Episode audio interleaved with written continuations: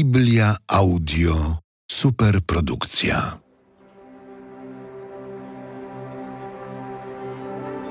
Księga Estery. Prolog.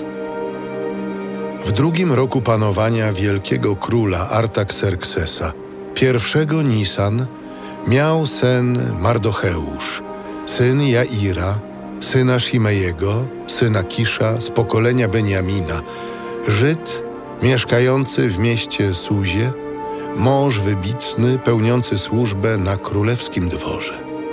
Był on z liczby jeńców, których uprowadził Nabuchodonozor, król babiloński, wraz z Jechoniaszem, królem judzkim.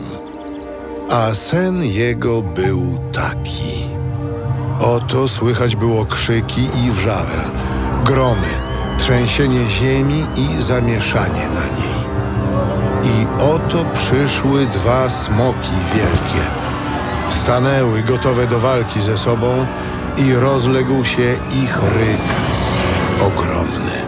Na ten ich ryk przygotował się cały naród do walki, aby zwalczyć naród sprawiedliwych. A oto nastał dzień ciemności i mroku, ucisku i udręczenia, nieszczęścia i wielkiego zamieszania na ziemi. I wzburzył się cały naród sprawiedliwy. Lękając się swego nieszczęścia, gotowi byli na zagładę, ale zawołali do Boga. Na skutek tego wołania wyłoniła się jakby z małego źródła wielka rzeka, wiele wody. Wzeszła światłość i słońce, a poniżeni zostali wywyższeni i pochłonęli potężnych. Zbudziwszy się po owym widzeniu sennym, Mardocheusz aż do nocy rozważał je w swoim sercu i wszelkimi sposobami chciał poznać to, co Bóg zamierzał uczynić.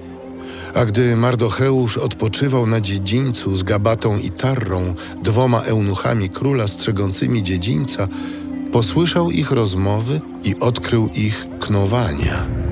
Przekonał się, że byli gotowi podnieść rękę na króla Artaxerxesa i doniósł o nich królowi.